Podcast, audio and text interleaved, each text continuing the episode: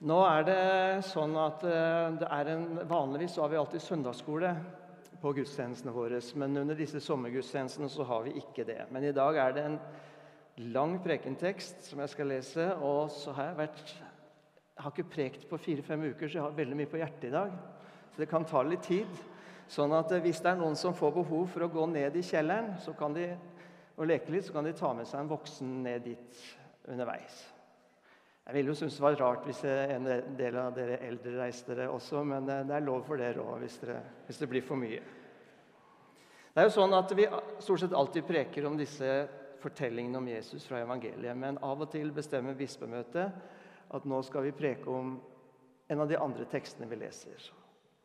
Og I dag så er det fra andre Mosebok, kapittel 20, og dere kan bare bli sittende. Gud talte alle disse ordene. Jeg er Herren din Gud, som førte deg ut av Egypt, ut av slavehuset. Du skal ikke ha andre guder enn meg. Du skal ikke lage deg gudebilder, ingen etterligninger av det som er oppe i himmelen eller nede på jorden eller i vannet under jorden. Du skal ikke tilbe dem og ikke la deg lokke til å dyrke dem. For jeg, Herren din Gud, er en nidkjær Gud som straffer barn i tredje og fjerde ledd for fedrenes skyld når de hater meg. Men viser trofasthet, trofast kjærlighet i tusen ledd mot den som elsker meg og holder mine bud. Du skal ikke misbruke Herren i Guds navn, for Herren frikjenner ikke den som misbruker Hans navn. Husk sabbaten og hold den hellig. Seks dager skal du arbeide og gjøre all din gjerning, men den syvende dagen er sabbat for Herren din Gud. Da skal du ikke gjøre noe arbeid verken du eller din sønn eller din datter, verken slaven eller slavekvinnen din, verken buskapen din eller innflytteren som bor i byene dine. For seks dager laget Herren himmelen og jorden, hav og alt som er i den, men den syvende dagen hvilte han. Derfor velsignet Herren sabbatsdagen og helliget dem.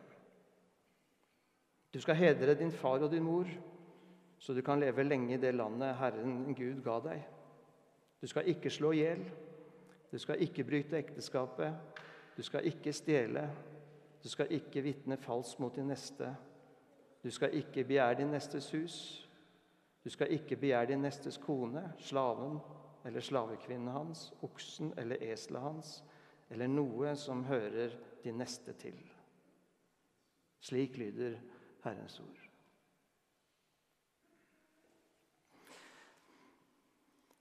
Jeg vil vise dere et bilde som jeg har vist her noen ganger før, og som jeg helt sikkert kommer til å vise dere igjen med jevne mellomrom så lenge jeg er her. For jeg tenker at dette er et viktig bilde for den enkelte av oss og for fellesskapet i Kirken.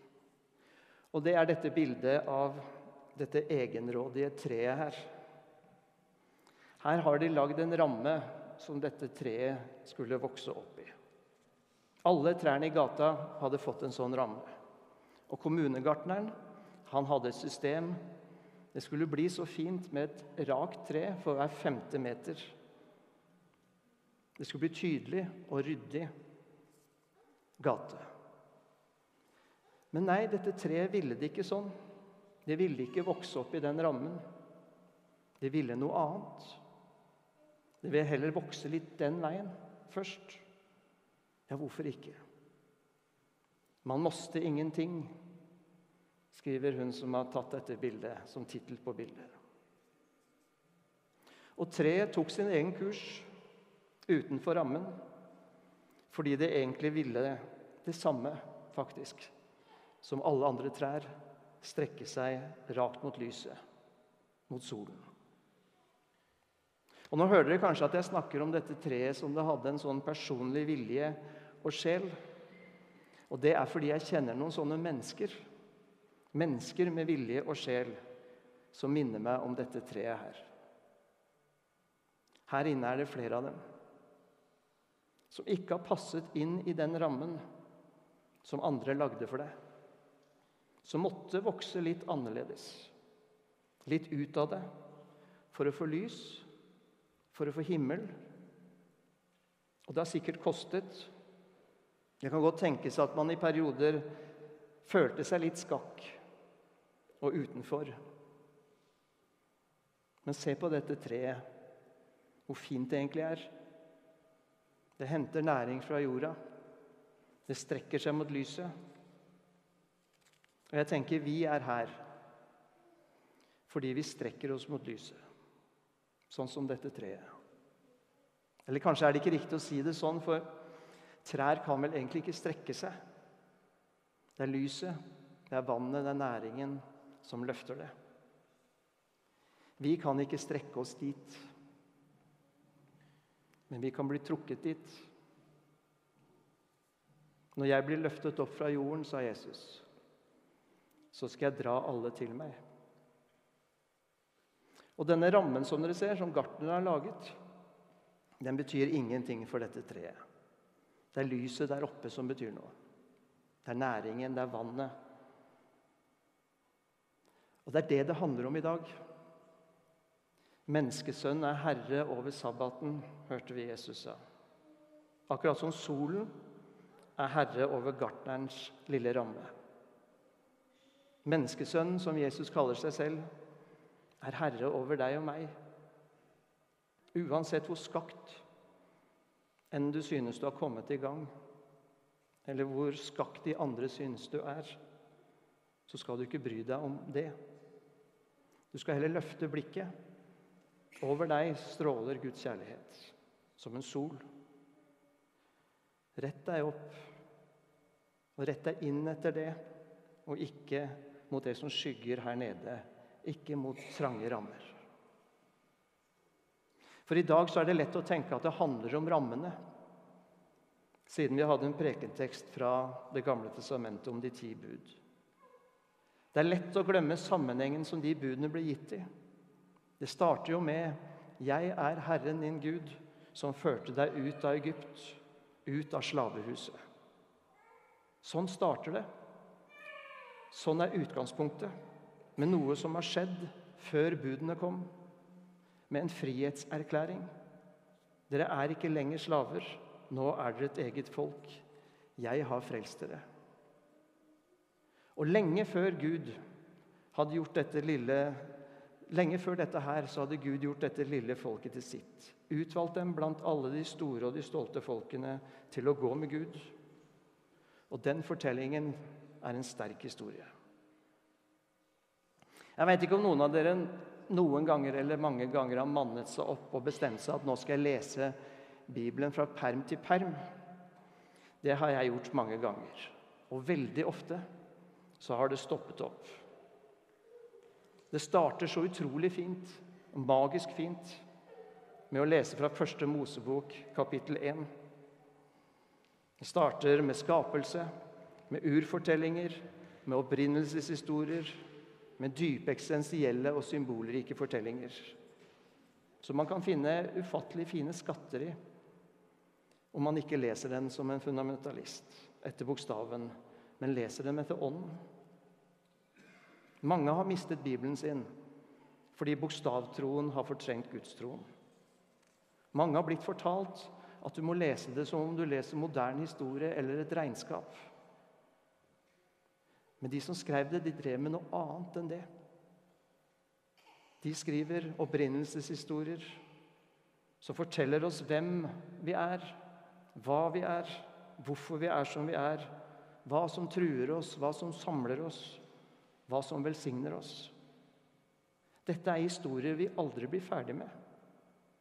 Som jødene den dag i dag diskuterer og undres over og krangler om og bygges opp av. Hellige skrifter så start gjerne på side 1 i første Mosebok. Les deg gjennom opprinnelsesfortellingene. Les om Abraham som ble utvalgt og velsignet, som skulle få etterkommere som stjernene på himmelen. Les om den store vandringen ut av slaveskapet i Egypt. Det er sterke historier som forteller noe om våre liv. Så kommer det til andre Mosebok, kapittel 20, som vi leste fra. Og det kapitlet starter en endeløs rekke med lover og regler. Og der stopper gjerne ideen min opp om å lese alt fra perm til perm. Nesten en tredjedel av de fem første bøkene i Bibelen er lover og regler. som omhandler alt fra kriminalitet til eiendom, til seksuell atferd, til solidaritet, til smittevern, straffeutmålinger og helligdager. De tidlige rabbiene telte 613 bud, og de sa 365 forbud, tilsvarende antall dager i året. Det er jo egentlig litt deprimerende. Det høres i hvert fall litt deprimerende ut. Og Da samfunnet ble nedstengt, så bestemte jeg for nå skal jeg jammen lese det. For da hadde jeg god tid. Og Veldig mange av disse lovene er smittevernslover. Og Det var litt gøy å lese om karantenene som de praktiserte, og om avstandsregler, og om symptomer, og hvordan de skulle håndteres. På den tiden vi i Norge Jeg vet ikke hva vi drev med under bronsealderen her. Men disse lovene fikk de fordi de ikke lenger var slaver under en despot, en farao. Så fikk de en lov som var evig. Men ikke evig i den forstand at smittevernreglene fra den tiden må praktiseres i dag. Men i den forstand at de var utvalgt til å være et fritt folk, Guds folk. Både de som var sterke, og de som var svake. Og at grunnen under alle bud er å elske Gud og sin neste som seg selv. Derfor lager vi jo nye regler nå. F.eks. om én meters avstand, om munnbind, om skatt, om fartsgrenser, om straff og soning, og hvor stort du kan bygge på egen tomt osv.